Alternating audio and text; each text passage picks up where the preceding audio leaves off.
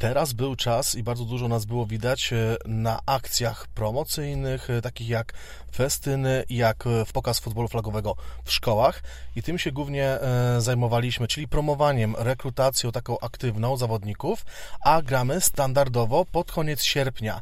Liga nazywa się PFL, od trzech lat już jest i mam nadzieję, że się zmieniać nie będzie, bo idzie wszystko ku dobremu, zarówno organizacyjnie, jak i marketingowo. E, także będziemy grać pod koniec sierpnia, na co serdecznie zapraszam już 26 i 27.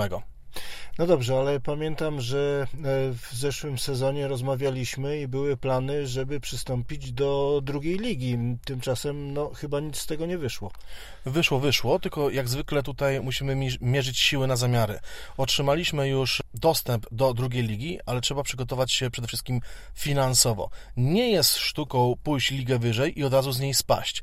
E, dlatego jeżeli e, patrzymy aktywnie na nasz profil społecznościowy, widzimy, że nawet połączyliśmy siły już z Armado Szczecin i gramy pod szyldem Gryzis. Właśnie ten projekt jest robiony pod PFL 2, na który już na pewno wystartujemy w przyszłym roku, czyli to będzie liga już nie w sierpniu, a pod koniec kwietnia zaczynać się będzie.